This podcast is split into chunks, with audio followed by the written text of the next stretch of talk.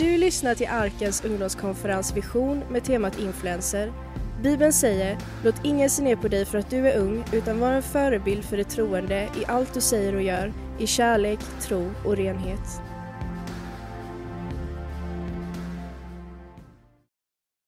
Jag vill predika för dig ikväll och ehm, ja, men det, det är en sak som jag har talat om förut, men eh, eh hur många vet när man, när man ser en film andra gången, då är det som att man fattar den mer. Liksom.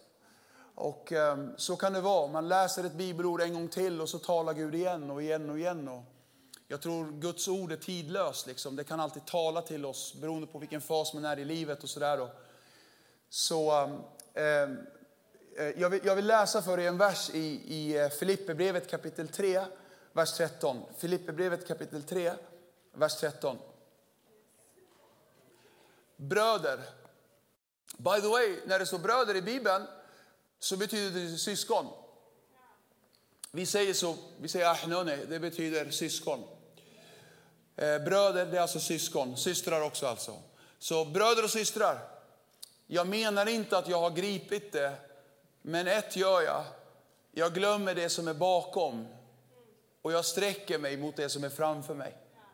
Jag glömmer det som är bakom mig och jag sträcker mig mot det som är framför mig. Predikan idag, kanske lite så speciell titel, men den heter Permanently Inked. Permanent tatuerad. Jag ska predika en hel predikan om tatueringar. Var inte orolig, inte för eller emot, men, men en andlig aspekt på det. Permanent tatuerad. Jag hörde att Hongkong är huvudstaden i världen för tatueringar. Visste du det? Eh, ingen annanstans i hela världen hittar du så mycket tatuerade människor som i Hongkong. några källor säger att Stockholm är tvåa eh, i antal tatuerade personer. Ehm, otroligt. Man gjorde i alla fall ett reportage och undrade varför är det så mycket människor som är tatuerade i Hongkong. Och man gick till en av de mest kända tatuerarverkstäderna och frågade eh, man frågade, man frågade vissa frågor och det var en fråga jag fastnade vid när jag hörde om det här. Jag var tvungen att skriva ner det för jag trodde knappt det var sant. Eh, man frågade en av de mest kända tatuerarverkstäderna vilka är de vanligaste ord folk skriver på sin kropp? Är det barnens namn? Är det liksom, vad, vad, är det för ord folk skriver? Eh, och man ställde lite så frågor. Och, eh, den här killen som man frågade där i den här verkstaden eh, svarade på ett sätt som fick reportern att hicka till. Han bara, vänta, hörde jag dig rätt? Kan du repetera? Vad sa du precis? För han svarade så här. Frågan var alltså, vilka är de mest populära ord eh, folk vill ha tatuerade på sin kropp? Här kommer svaret. Orden, de två vanligaste orden folk skriver på sin kropp i Hongkong är orden born loser. Född förlorare. Och, och då sa varför skriver man det? Då, sa, då svarade han så här, you don't understand. Då sa han så här, all a tattoo does is showing outwardly what people have already decided inwardly. Allt en tatuering gör, det är att den visar ut, utåt, vad människor redan har bestämt sig för inåt. Före en tatuering ritas på kroppen, då har den redan tatuerats i deras hjärtan, i deras själar. Oj då. Vi får inte glömma, guys, att vi har en fiende som ständigt vill tatuera våra insidor med lögner. Han älskar att tatuera våra sinnen med permanenta lögner. Han vill stämpla dig och mig med negativa, destruktiva tankar, att vi inte är värda något, att det inte är värt det här någonting. Det är kört för mig. Jag, jag är den som är minst omtyckt. Han säger typ saker som, och ni har alla hört den här radioapparaten, du är en förlorare, du är hopplös, säkert ingen vill ha dig, kolla hur du ser ut. Och sakta men säkert så börjar man visa ut vad man har bestämt sig för in. När man hör en lögn tillräckligt många gånger, vet ni vad som händer? Man börjar tro på den som en sanning. Så är det. Och Bibeln säger så här, Jesus säger, Jesus kallar djävulen i Johannes 8 lögnens fader. Han kallar honom för lögnens fader. Med andra ord, så fort djävulen öppnar sin mun, han ljuger. Han kan inte tala sanning. Det är bara lögn, lögn, lögn, lögn, lögn, lögn. Så fort han pratar så är det alltid, alltid lögn. Medan Jesus är sanning, sanning, sanning, sanning. Han kan aldrig säga det som är fel. Jag tror människor idag är mer tatuerade med lögner i sina sinnen än någonsin tidigare. Vet, du om, vet ni hur många människor som tar sitt eget liv i Sverige? Varför? För att de är tatuerade med lögner på insidan, att de inte är värda någonting. Och så ser de en chans att ta den för att de har redan bestämt sig för någonting på insidan och de gör verklighet av det. Människor är så, så, det är så mycket lögner skrivna i oss att när det kommer en möjlighet eller det kommer en chans till någonting i livet liksom, så tar man inte chansen. Vet ni varför? För att man, är, man har redan bestämt sig för att det kommer inte bli någonting. Eller så kan det vara så här, saker som har hänt i livet och man tänker då, det är, inget, det är kört för mig, det kommer inte bli någonting. Så varför ska jag ens försöka? Eh, någonstans har fienden intalat dig att det här är allt du kommer bli. Och det här är allt du kommer vara. Och på grund av det tror jag, så har folk, ungdomar idag, släppt bromsen när det gäller renhet. Släpp bromsen när det gäller moral, etik, vad man lyssnar på, vad man inte säger, vad, hur man tänker, vad som är okej okay och vad som inte är okej. Okay. Det är som att allt är okej, okay, för att man bryr sig inte längre. Det är så modlöst liksom. Det, vad spelar det för roll? Det är som att man åker nerför, man är upprorisk mot äldre. Det är liksom, who cares? Vilken härlig start på den här predikan. Det kommer bli bra, jag lovar. År 1492 så seglade Kristoffer Columbus från Spanien för att upptäcka nytt land och nya delar av världen. Mindsetet i den tiden, alltså den tiden då, det var att Spanien var världens ände. Man trodde inte att det fanns mer än Spanien. Man trodde att Spanien, har du kommit till Spanien, då har du sett allt. Man visste inte att det fanns mer land att upptäcka. Eh, man trodde på det här så mycket att man skrev orden på Spaniens flagga. Man skrev tre ord på, span, eh, på latin. Man skrev så här, i ett emblem i spanska flaggan, då står det så här, non plus ultra. Det betyder no more beyond. Man trodde så mycket att eh, det finns inget mer än Spanien. Spanien är eh, världens ände. Man trodde på det så mycket att man skrev det på flaggan. Tills en kille och hans besättning sa, det måste finnas mer. Det kan inte vara allt det här. Det, det, måste ju finnas mer. Well, vi får väl dö medan vi försöker, men vi ska försöka. Så de sätter sig, och besättning sätter sig i, i ett fartyg och de börjar segla. Och vad man trodde till och med då, det var att om, om, du, om du kommer jättelångt ut, alltså, då kommer du tippa. För jorden är ju platt, då kommer du bara tippa, då kommer ni hamna i rymden. Alltså det, gör inte det. Och man bara visste, det, det finns inget mer. Men Kristoffer Columbus och hans team upptäckte Amerika. De seglade och seglade och segla och kom till Amerika, Nordamerika. De upptäckte Nordamerika. Och vet du vad man gjorde då på flaggan? Man ändrade orden, man ändrade flaggan. För man insåg att de hade rätt och alla andra i hela världen hade fel. Man ändrade orden från non plus ultra till plus ultra. Plus ultra betyder more beyond. Mer, det finns mer. Det finns mer. Men, men det man skrev var, det finns inget mer, men nu blev det, det finns mer. Tänk att en grupp på åtta personer kunde ändra mindsetet i hela världen. Vad kan inte åtta personer i Värnamo göra för hela Värnamo? Vem säger att ett ungdomsarbete inte kan vara tusen pers i en stad? Vem har sagt det? Vi ska bevisa att det går. Amen. Ja men, ja, men vet du vad få vi är? Nej, nej, det är omöjligt. Det här går inte. Det står non plus ultra. Allt är möjligt för den som tror, för han som är i mig är fett mycket större än den som är i världen. Allt är möjligt. Allt beror på vad vi lägger vårt öra till, vad, vad, vi, vad vi ger vårt öra till. Om vi ger vårt öra till Jesus, då är allting möjligt. Men om vi hela tiden ger vårt öra till djävulen och allt som är begränsat, då kommer vi inte vi tro någonting om oss själva eller om någonting. Woo!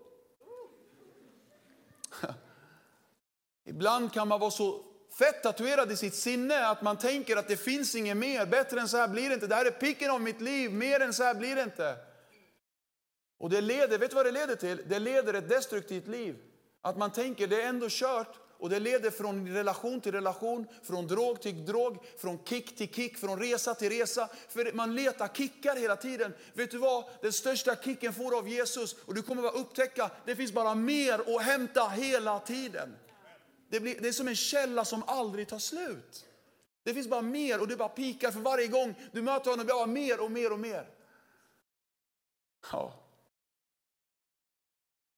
Vår Gud är en Gud som kan göra mycket mer än vad vi tänker oss, vad vi ber.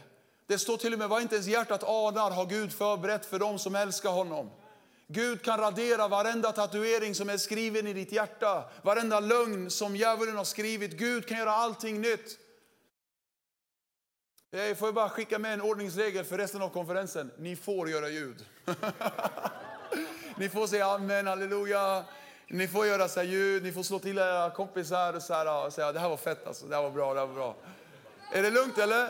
Så, så eh, dels blir det mycket roligare att predika, men det blir också mycket roligare för dig att lyssna när folk är på omkring dig. Influens, kom igen, influens.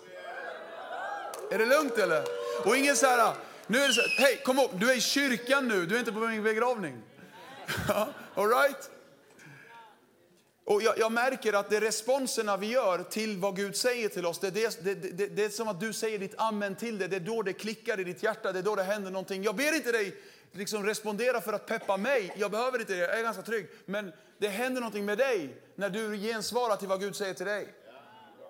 Det är sant. Varje gång någon kommer på förbön och så frågar jag dem så här, jag frågar, vad vill du att Jesus ska göra för dig? Varje gång så blir de själva väldigt berörda när de ska lägga fram vad de vill att Jesus ska göra för dem. Hade inte jag frågat utan börjat börja be, då hade det inte lika varit starkt. Varför då? För att det händer något med oss, med vår kärlek till Gud, när vi själva uttrycker det. Ett äktenskap får problem om man aldrig uttrycker det för varandra. Så fort en man berättar det för sin fru, det händer någonting i mannens hjärta, inte bara i fruns. Det händer något med dig när du uttrycker för Jesus. När du inte sitter tyst och säger ah, okej okay, Jesus inshallah om du vill mig något kom till mig. Nej, nej, nej, nej. Jag lägger fram, jag säger, jag engagerar mig, jag tar initiativ till att säga något till dig. Amen. Därför är applåder viktiga faktiskt. Därför är respons på vad Gud säger viktigt.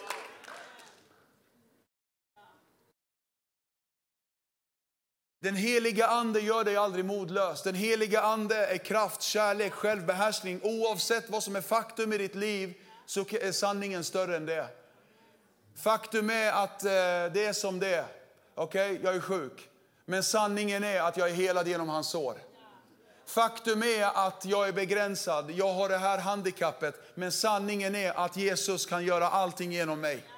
Faktum är att det ser ut som det gör i Sveriges kristenhet. Det är faktum, det är bara att titta, det är bara att läsa fakta. Fakta säger det här, men sanningen säger det här. Vad sätter jag mitt fokus till? Guds sanning eller det som är fakta?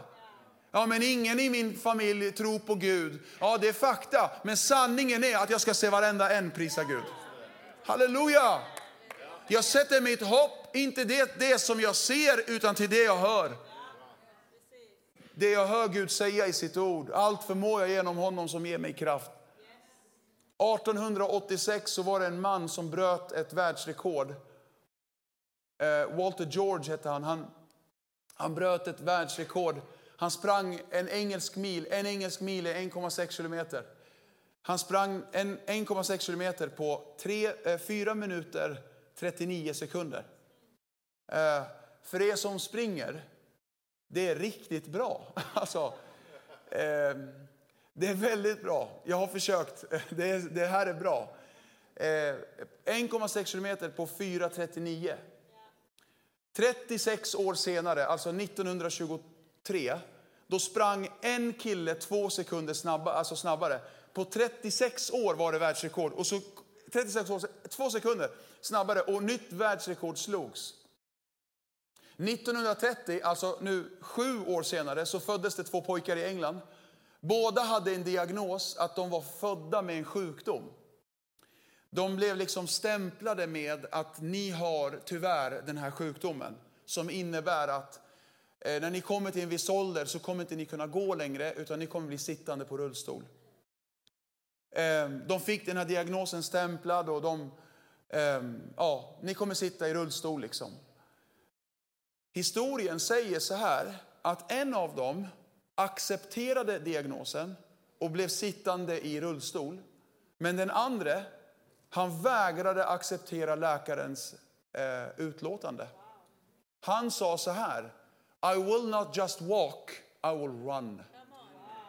Den mannen hette Roger Bannister. Och vet ni vad han gjorde? När han var lite äldre, maj 1956 i Oxford, gjorde han det som var helt omöjligt för den mänskliga kroppen. Det läkare sa var helt omöjligt. De sa, det fanns läkarutlåtanden som sa att det är inte möjligt för den mänskliga kroppen att springa en engelsk mil under fyra minuter. Man hade liksom forskning på det här, man hade allt möjligt om det här. Det går inte. Kroppen kan inte utsättas e- för en sån sjuk press att man klarar av att springa en engelsk mil under fyra minuter. Roger Bannister, som inte ens skulle gå, som skulle egentligen sitta i en rullstol, springer i maj 1956. Han springer in i mål på 3 minuter, 59 sekunder och 59 hundradelar. Jag tror ni har en bild på det. Ja, där. Det här är han. Det här är originalbilden alltså. Det är Roger Bannister. Han slår världsrekord. Han, han gör det läkare sa var omöjligt. Vem sa att det var omöjligt? Han gjorde det ingen trodde kunde ske. Här har ni honom på bild. Efter honom, kommande fyra år, så var det 25 andra löpare som sprang under fyra minuter. Det, historien blir bara bättre. Det otroliga är att när han var då runt 40 så kom det ny forskning på just den sjukdomen som han, var, som han hade. Eh, och man hittade nya liksom sätt att forska. Och, och eh, det visade sig att man ville testa igen, för det var en ganska ovanlig sjukdom. Man ville testa igen på just de här två pojkarna som föddes samtidigt. Man testade dem igen och det visade sig att han som satt i rullstolen var inte sjuk. Men Roger, som, som sprang alltså, bekräftades igen att han var verkligen sjuk. oj, oj, oj. Det är typ nu du ska bli så här eh, overwhelmed. Vet du vad Bibeln säger? Romarbrevet 12 säger så här, anpassa dig inte efter vad den här världen tycker. Anpassa dig inte efter vad dina polare tycker. Anpassa dig inte efter vad, vad den och den, vad din förra pojkvän sa. Anpassa dig inte efter vad, vad människor säger och tycker och tänker, utan låt dig förvandlas genom sinnets förnyelse. Hur då? I den här boken. Låt den här boken prägla dig. Låt den här boken förvandla dig. Det Gud säger, det är det jag är. Det Gud säger att jag har, det är det jag har. Det Gud säger att jag kan, det är det jag kan. Inte vad min tränare säger eller vad din lärare säger. Eller. Det Gud säger, det är det jag har, det är det jag kan, det är det jag, det är, det jag är. Efesierbrevet säger faktiskt så här. Jesus vill tvätta vår insida med sitt eget ord. Han vill duscha dig. Han vill duscha dig. Det står i eh, Efesierbrevet Efesierbrevet 5.25. Ni män, älskar era fruar så som Kristus har älskat kyrkan och offrat sig för den. Hör, det här är, det här är grymt alltså. Vers 26. För att helga den sedan han har renat den genom vattnets bad i kraft av ordet. Med andra ord så här, Jesus, han älskar sin kyrka så mycket. Han älskar sin kyrka så sjukt mycket, han älskar dig så sjukt mycket. Vet du vad han vill göra? Han vill duscha dig med sina vackra ord, med sina fina ord, med sina sanningar. Han vill duscha dig med sin sanning. Han vill, han vill tvätta bort smutsen på din själ. Han vill tvätta bort lögnen. Hur vill han göra det? Han vill duscha dig med sitt ord. Lyssna Lisa. Blodet från Jesus frälser oss. Men ordet, Bibeln, renar oss från lögner. Blodet räddar våran ande. Du består av tre delar, ande, kropp och själ. Anden blir frälst när du säger ja till Jesus. Då blir du rättfärdig i Jesus. Din ande är perfekt nu. Du kommer inte få en bättre ande i himlen, du är redan perfekt. Vet du det? Så fort en människa säger ja till Jesus, då är den personen perfekt inför Gud Fadern. Det är helt, alltså det är en hisnande tanke det här. Du är redan perfekt, vet du det? Ja men vadå, jag är inte perfekt, jag tänker dumma tankar. Ja det är din själ som är kaos.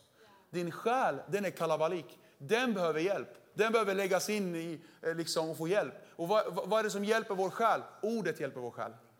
Vår ande räddas av Jesus blod. Vår själ räddas genom Guds ord. Och vad vill Gud göra för dig? Han vill rena din själ. Han vill tvätta din själ. Det är där kampen är. Det är där djävulen slår. I dina tankar, i dina känslor, i din vilja. Att, att du vill inte vad Gud vill, du tänker inte vad Gud tänker och du känner inte vad Gud känner. Det är där kampen är och det är där djävulen skickar sina brinnande pilar hela tiden. Och vad är det som räddar våran själ? Det är Guds ord som knäcker varje lögn. Det är sanningen som står över varenda lögn. Ljuset vinner över mörkret. Ljuset är Guds ord och ljuset är sanning medan mörker är lögn. Amen. Därför är det viktigt att läsa Bibeln. Ja, men jag fattar ingenting när jag läser. Vet du, läs ändå. Rätt som vad det är så visar Gud dig något. Och så kommer det någonting i, i ditt hjärta och det hjälper din själ.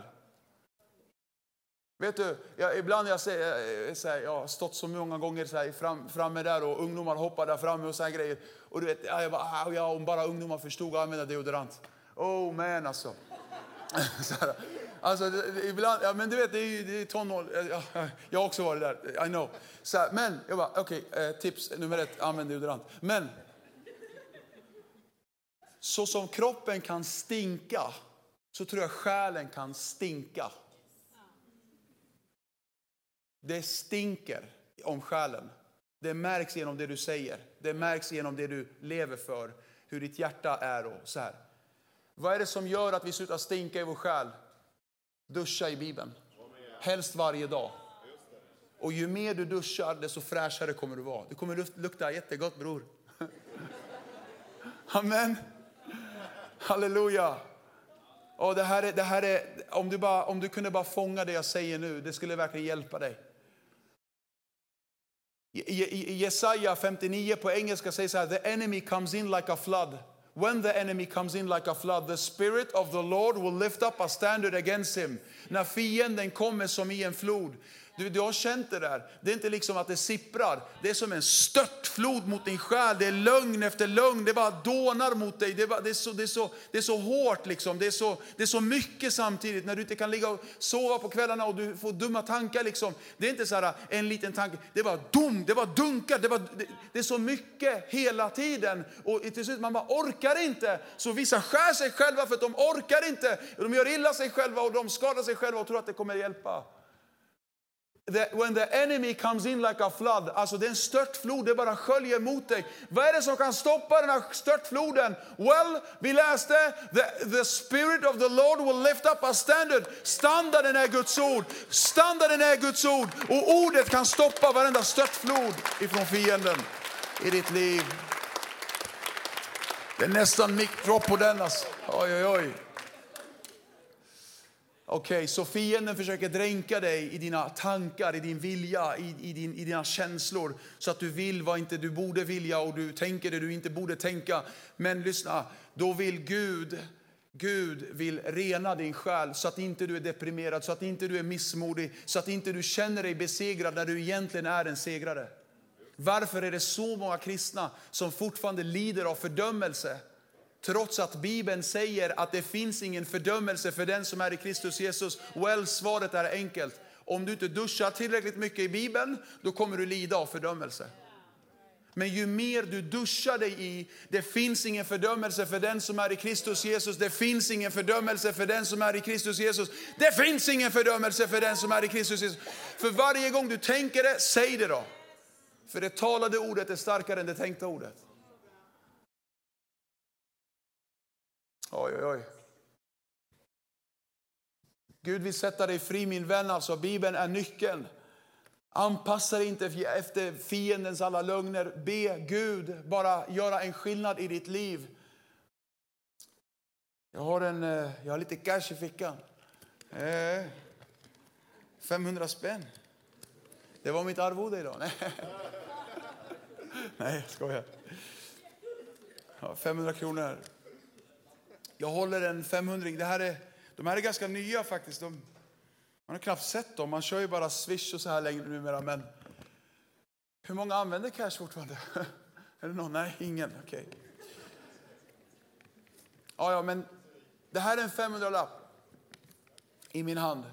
En riktig sådan. Bli inte för glad nu, det kommer inte formen. Eh, hör, hör. Riksbanken har gjort den här. Det här är svenska riksbankens verk. Liksom. Svenska riksbanken har gjort den här 500 okay? Värdet är 500 kronor. 500 kronor. Låt oss säga att den precis kommer ut från tryck, tryckeriet. Inte Rannis tryckeri i Södertälje, utan Riksbankens tryckeri. Riktiga, alltså, eh, den har precis kommit ut, okej? Okay? Den är helt färsk. Och låt oss säga, och, och, och värdet har grundaren bestämt, och grundaren har bestämt att värdet på den här är 500 kronor. Okay. Låt oss säga att den här 500-sedeln, helt ny, går från, precis helt färsk, från tryckpressen liksom. Och från tryck, tryckpressen hamnar den i en illegal affär. Den hamnar i en svart affär. Från en svart affär så går den sen och hamnar i prostitution. Från prostitution så hamnar den i trafficking. Och från att ha varit i trafficking går den till en drogaffär. Och från en drogaffär så går den till att hamna en torsdagskväll på Vision i Värnamo. Får jag fråga? Har värdet ändrats? För att grundaren har bestämt att värdet är 500 kronor. Och då kan ingenting den har varit i ändra det faktum det grundaren har bestämt. Kan jag få säga till dig, oavsett vart du har varit i livet, har Gud bestämt ditt värde, då kan ingenting ändra det värdet. Om du känner att du har syndat fett mycket, om du känner att jag, jag har svikit Gud så mycket. Jag har lovat Gud hundra gånger att jag inte ska göra den där grejen igen och det hände igen och det hände igen. Och vet du vad? Inget du gör ändrar ditt värde för Gud. Gud har bestämt sig att älska dig. Vet ni varför det inte finns fördömelse för oss? För att Fader Gud dömde sin egen son så att vi kunde bli fria. Och Gud kommer inte döma synden två gånger. Han har redan dömt den en gång och han kommer inte döma den två gånger. Alla våra synder lades på Jesus. Och Gud, Fadern, dömde all synd på sin egen son. Och Gud kommer inte döma synden en gång till. Han redan Därför finns det ingen dom för dem som är i Kristus Jesus, för de är fria. Du är fri. Ditt värde är det Gud säger att du är. Ditt värde, det är att Gud, Fadern, ansåg att du var värd att sonen skulle dö för dig. Jag, jag, jag har jättesvårt att jag har haft så svårt att acceptera det. Hur kan det vara så att Gud älskar oss så mycket? Vi är inte ens värda det. Han som var ren och utan synd blev all smuts själv för att vi ska bli renade. Gud har gjort oss värdiga, mina vänner. Vi har all anledning att göra allt för honom. Det borde vara vår största ära och privilegium att ge allt till honom. Det spelar ingen roll vad du har gått igenom. Det spelar ingen roll vad du har varit med om. Har Gud bestämt vad du är värd, då kommer ingenting ändra det faktum. Om din skapare säger att jag, jag vet vad du har gått igenom. Jag, jag ser dina misstag, jag, jag ser alla, alla sakerna. Men vet du vad? Ditt värde har aldrig ändrats. Jag har aldrig slutat älska dig. Och varje dag när du vaknar så är min nåd ny över ditt liv. Halleluja! Du är inte uträknad, du är inräknad. Gud har inte plockat bort dig, han har plockat in dig. Gud har inte ditchat dig, han har hämtat dig. Vet du, ditt, ditt, ditt kaos kan bli ordning. Ditt mess kan bli ditt message. Ditt test kan bli ditt testimoni. Ditt elände kan bli en, en, en, en, ett sånt vittnesbörd att andra människor kommer känna hopp i din historia. Det är dags att inte sätta sig på läktaren, det är dags att gå ut på plan och spela lite. Och det finns så många här som ska bara få möta Jesus ikväll.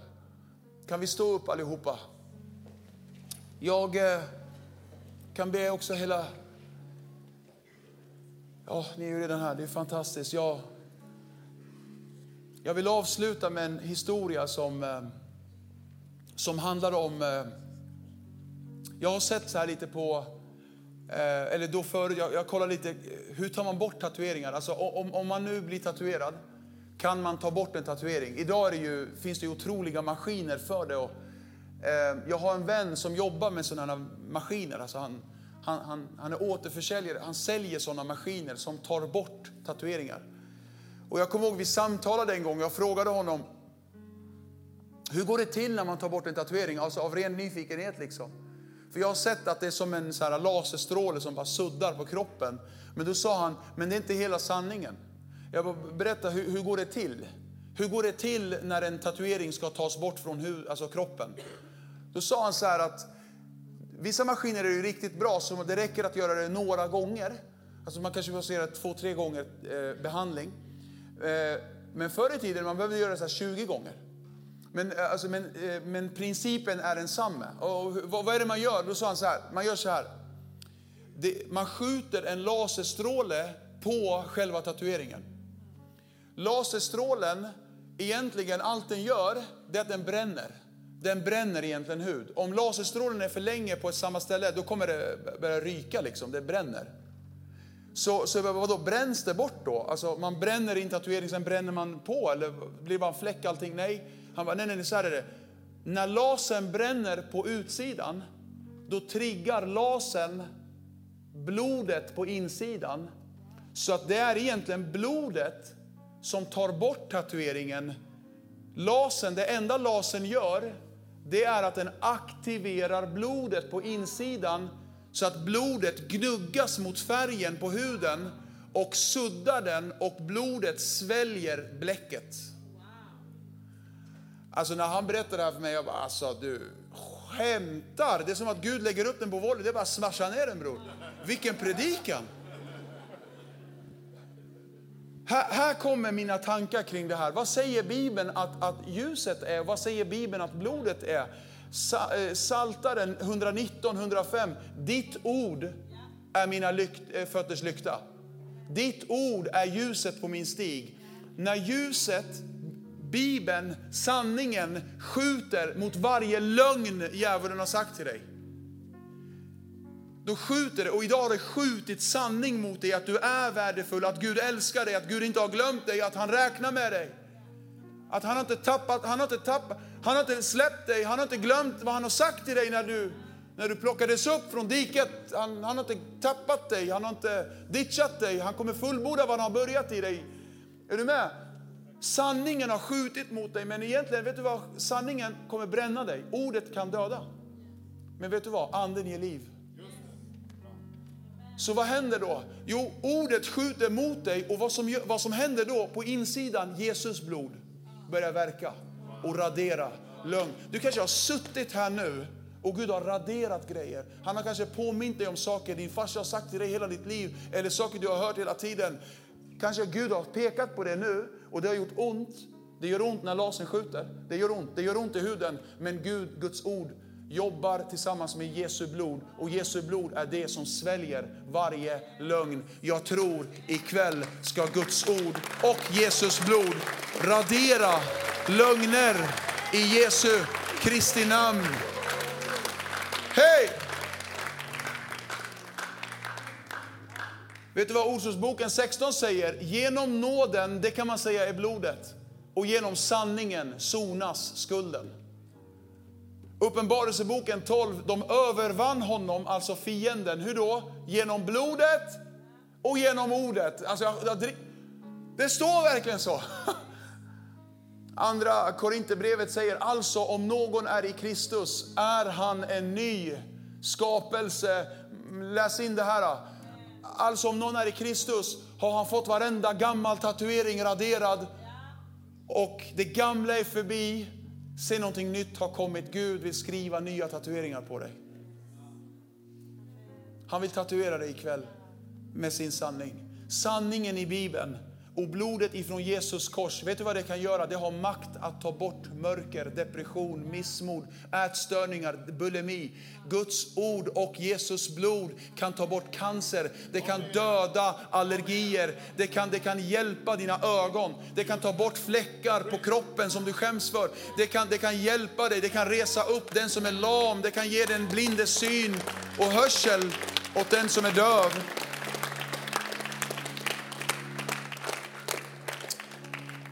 Jag vill avsluta med den här, eh, eh, den här tanken. I Jesaja 6 så står det att Gud, han möter en man som heter Jesaja. Han ser Guds tron. Han ser sex vingade änglar. Och han ser helt plötsligt hur Gud är på tronen. Han ser Gud. I Jesaja kapitel 6. Och när han ser Gud, då ser han också en ängel ta kol ifrån altaret och den här ängeln flyger ner till Jesaja. Han ser allt detta som i en syn. Och den här ängeln flyger ner med kol ifrån altaret. Då står det att han tog kolet och vidrörde hans tunga. Man skulle kunna säga att ängeln tatuerade honom. Han brände någonting på honom. Och den första responsen han sa var, ve mig, jag förgås, för jag bor bland ett smutsigt folk som talar orent. Gud brännmärkte honom. Han insåg lögnen, att han var en förtalare. För om du läser i Bibeln, det står hela tiden att han sa ve er, ve er, ve er. Han var väldigt klagande, han var väldigt kritisk. Ve er, ve er, ve er. När han själv möter Gud, då blir det ve mig, ve mig, ve mig. Från att liksom titta på alla andras fel till att bara ve mig. Du vet, det är först då vi kan få hjälp, när vi inser vad vi själva behöver hjälp med och inte peka på alla andras problem. Och, och, och sen, så han brännmärker honom och så blir hans respons på den tatueringen blir så här. Herre, här är jag, sänd mig. När Gud märker honom, han förvandlas. Jag tror Gud vill komma ner, änglar vill komma ner med kol och brännmärka lite själar på Vision 2019. Är du redo för det? Jag tror att om du söker Gud ikväll så kommer du få det. Ehm, för tre veckor sedan, eller jag tror tre veckor sedan, så var jag på, jag var i Cypern. Och eh, ja, jag skulle till en bibelskola, Equip. Eh, några har det där va? Ja, Equip. Jag skulle undervisa tre dagar då. Eh, jag, sett, ja, jag skulle vara i Mariestad på fredagen, så inget fick gå fel. Jag flög på en så här, um, måndag och jag skulle landa på torsdag och Mariestad. Sen var det 150 andra städer den helgen, på. Men, men det var så mycket den veckan. Alltså inget, jag, och eftersom jag har så mycket så här så behöver jag verkligen så här, planera min tid och så här, jag försöker ha koll på grejer. Jag känner mig nästan som ett proffs i att resa nu. Så här. Man har så här, um, små grejer. Ja, ja, jag vet. Man vill så här, om du vill ha tips på resa, fråga mig sen. Men, men alltså, ja. Jag, i alla fall, jag åker till, eh, vi, vi, sätter mig på flyget, Arlanda, mellanlandar i Österrike ska vidare till Larnaca, Sypen efter det. Det var en mellanlandning. Och, eh, när jag kommer till passkontroll på Sypen, eller förlåt, eh, i, i Österrike, i Wien, Eh, och det var tight, det var så här connection flight, det var så här 40 minuter mellan flygen, långa terminaler, fick springa. Och eh, jag ska bara rusa in där. Eh, jag överlämnar mitt pass till passkontroll och damen då som eh, skannar mitt pass tittar så här mot skärmen och kisar med ögonen så här, som att något inte stämmer. Eh, och då bara, jag vet inte, jag får som en kalldusch över mig. Bara, vad är det något problem liksom? Eh, och så, så gör jag så här, is there any problem? Så tittar hon på mig och ler, typ som att, vad trodde du? jag bara, va, what? Så här, muckar du gräl eller? Så, här, what? Så, så lyfter hon passet och så ser jag till min förskräckelse, jag har tagit fel pass med mig. Jag hade tagit med mig min son Eliamos pass. Jag vet, jag ler nu och jag skrattar, men jag kan säga, det gjorde jag inte då. Alltså jag vek mig på riktigt. Jag, böj, jag fick en sån sjuk ångest. Jag bara, hur kan man vara så dum? Så här, och jag, jag, trodde, jag, skulle, jag trodde jag skulle kräkas. Alltså jag trodde jag skulle kräkas. En sån tabbe, du kan glömma allt men glöm inte passet. Så här, och, och jag bara, vad ska jag göra nu? I will miss my flight. Så här, please sir, we need your passport. Jag bara, ja jag visste, jag har inte tagit med mig något annat pass. Så jag visste att det var, jag bara, uh, I have my driving license with me. Och så visar jag mitt körkort liksom. De bara, men we, we can't accept, we can't, vi kan inte acceptera körkort, vi måste ha ditt pass. Eh, du, eller, har du internationellt uh, eh, ID? Bara, internation, vem har det liksom? Så här, okay. ja, ja, så, eh, jag hade inte det. Alltså, Sypen kräver pass tydligen. Och det visste, alltså, jag visste ju det, men, eh, men i, ja, på Arlanda kollade de inte mitt pass. Och jag, jag tänkte inte på att... Alltså, och så bara insåg jag där och då, ah, jag förstod vad jag gjorde för fel. Eh, när jag skulle ta mitt pass, stressad som man var, så tittade inte jag på insidan. Jag hade precis utfärdat ett nytt pass för mig och, och, och barnen då. Eh, och då kommer så här som en etikett på baksidan och etiketten sa, säger vems pass det är. Liksom. Eh, min son Eliamo, han heter Eliamo Levi Tiglet Malkei. Och eftersom han har ja, två mellannamn så blev det som två rader. Och så Eliamo Levi på övre raden och så Tiglet Malkei andra raden. Jag tittade aldrig på insidan, jag såg bara mitt namn på baksidan och tog det och la det i väskan och åkte. Så det var det jag gjorde fel då. Jag kollade aldrig på insidan. Jag var helt hundra på att jag, allt var safe. Och så hamnade jag där och jag bara, alltså jag fick en sån ångest. Och så kommer en tysk, eller en österrikisk så här, polis, tyckte synd om mig typ. Han var ärligt, han var som en ängel. Han liksom tröstade mig så här, han bara, there, there, typ. och, I will help you. Eh, jag rekommenderar dig att ligga över här i Wien, eh, hotell gå till svenska ambassaden, utfärda ett provisoriskt pass och flyg imorgon. Jag bara, alltså det är inte värt det. Åh, vad kommer det kosta? Nej, sju lax. Nej, jag vet inte. Nej, sju lax, ja! Eh, så här, det är för dyrt, bror! Eh, så här, ja. Kan vi få extra pris? Ja. Ja. Han hittade ett hotell till och med. Han bara, lägg ditt finger här nu och betala. Jag bara, jag bara hjälp mig. Så, här. så la jag mitt finger och betalade. Och så hamnade jag i en taxi som han hjälpte mig med. Och Eh, när jag ligger där i sängen och sover och jag tänker, jag, ska ju jag vågade inte ens berätta för, för, för, dem, för dem i Cypern att jag kommer inte komma. Alltså, jag, jag skämdes så mycket och det är tre dagar. Men jag skiter i det här. Jag åker hem istället. Så här. Eh, Gud, varför gör du så här med mig? Är det här din plan eller? Så här, ja, så här, ja. Jag ligger och är deprimerad och har ångest och jag fattar inte hur man kan vara så dum. Och, och, och så ligger jag där och helt plötsligt får jag den här tanken. Här kommer hela historien, varför jag sätter upp det så här. Helt plötsligt tänker jag så här. Gode Gud. Och jag fick så, nästan ont i magen faktiskt. Alltså nu fick jag typ andligt ont i magen. Jag fick en sån ångest igen, fast inte i, i själen utan så andlig ångest nästan. Och det var det här. Hur kommer det inte vara i himlen? När folk tror att de ska in och de tror att de har passet med sig. Men de har inget pass. Och de kommer inte komma in. Och jag fick så ont i magen. Jag, jag bara, gode Gud. Hur kommer det inte vara när folk visar upp ett pass som tillhör en annan och tror att de kan gå in på en annan persons namn? sina föräldrar, sina barn. Eller en gift man visar upp sin frus, frälsta frus pass. Hon var ju frälst, men hade du blivit frälst? Du kan inte komma in på en annan persons pass. Du måste ha ditt eget pass. Jag fick så ont i magen och jag, jag tänkte så här, den ångest jag kände över det. Hur kommer inte den ångesten vara då, när det inte går att göra någonting åt det? Dagen efter fixade jag mitt pass och jag flög dagen efter. Det blev dyrt. Men det gick att lösa på jorden. Men där är det kört för alltid. Om inte du har ett pass, du kommer aldrig komma in i himlen. Hör, Gud har inte skapat helvetet för en enda människa. Helvetet, står det i Bibeln, är skapat för demonerna och Satan. Men Jesaja 5 säger något fruktansvärt. Det står att dödsriket har behövt utvidga sitt område. Varför då? Sitt geografiska område. Varför då? För att fler ska uppenbarligen dit. Det var inte tänkt att de skulle dit. Det är inte Gud som skickar någon till helvetet. Det är människor som skickar ner sig själv. För de förnekar Jesus. Det enda sättet att bli räddad, det är Jesus. Det enda sättet att bli räddad i det här livet och komma till himlen, det är Jesus. Det finns bara en väg till Fadern och det är Jesus.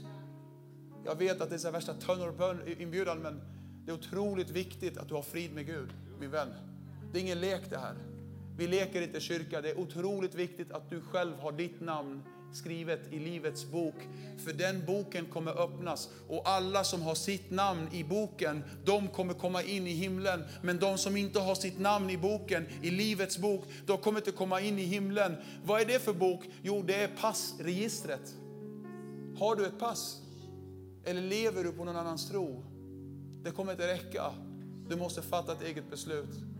Jag var 100% säker på att jag hade passet med mig. Jag blev chockad där och då. Amos kapitel 6, vers 1 säger, ve de som är självsäkra, de som sätter sin säkerhet på sig själva. Vi har ingen säkerhet i oss själva, vi har säkerheten i Kristus. Ve de som är självsäkra och tror att jag är, jag är väl safe, jag är väl safe, jag går ju till kyrkan. Du blir inte kristen av att gå till kyrkan. Du blir ingen hamburgare av att gå till McDonalds. Du blir ingen bil av att gå in i ett garage. Kristen blir du när du säger ja till Jesus Kristus. Du kan ha gått i kyrkan hela ditt liv, men har du aldrig sagt ja har du aldrig fått ett pass. Precis som jag behövde utfärda ett nytt pass när jag kom hem sen. Mitt gamla pass blev ogiltigt, då behövde jag fixa ett nytt pass. Och så kan det också vara att du hade ett pass, du hade det bra med Gud, men du tappade det. Jag vill att alla ikväll som inte har sagt ja till Jesus och alla som har tappat sitt pass ska ta emot ett nytt pass. För ikväll, just ikväll, är ambassaden öppen. För idag är frälsningens dag. Och han är redo att utfärda nya pass. Och vet du vad, det kostar inget. För han har redan betalat för det. Du behöver inte betala en krona, du behöver säga ja. Du har lyssnat till Arkens ungdomskonferens Vision med temat influencer. Vi vill med denna podd visa att Jesus var världens största influencer och hoppas att du nu känner dig tryggare att kunna sprida detta budskap vidare. Vill du veta mer om oss kan du besöka oss på vår hemsida visionvmo.se.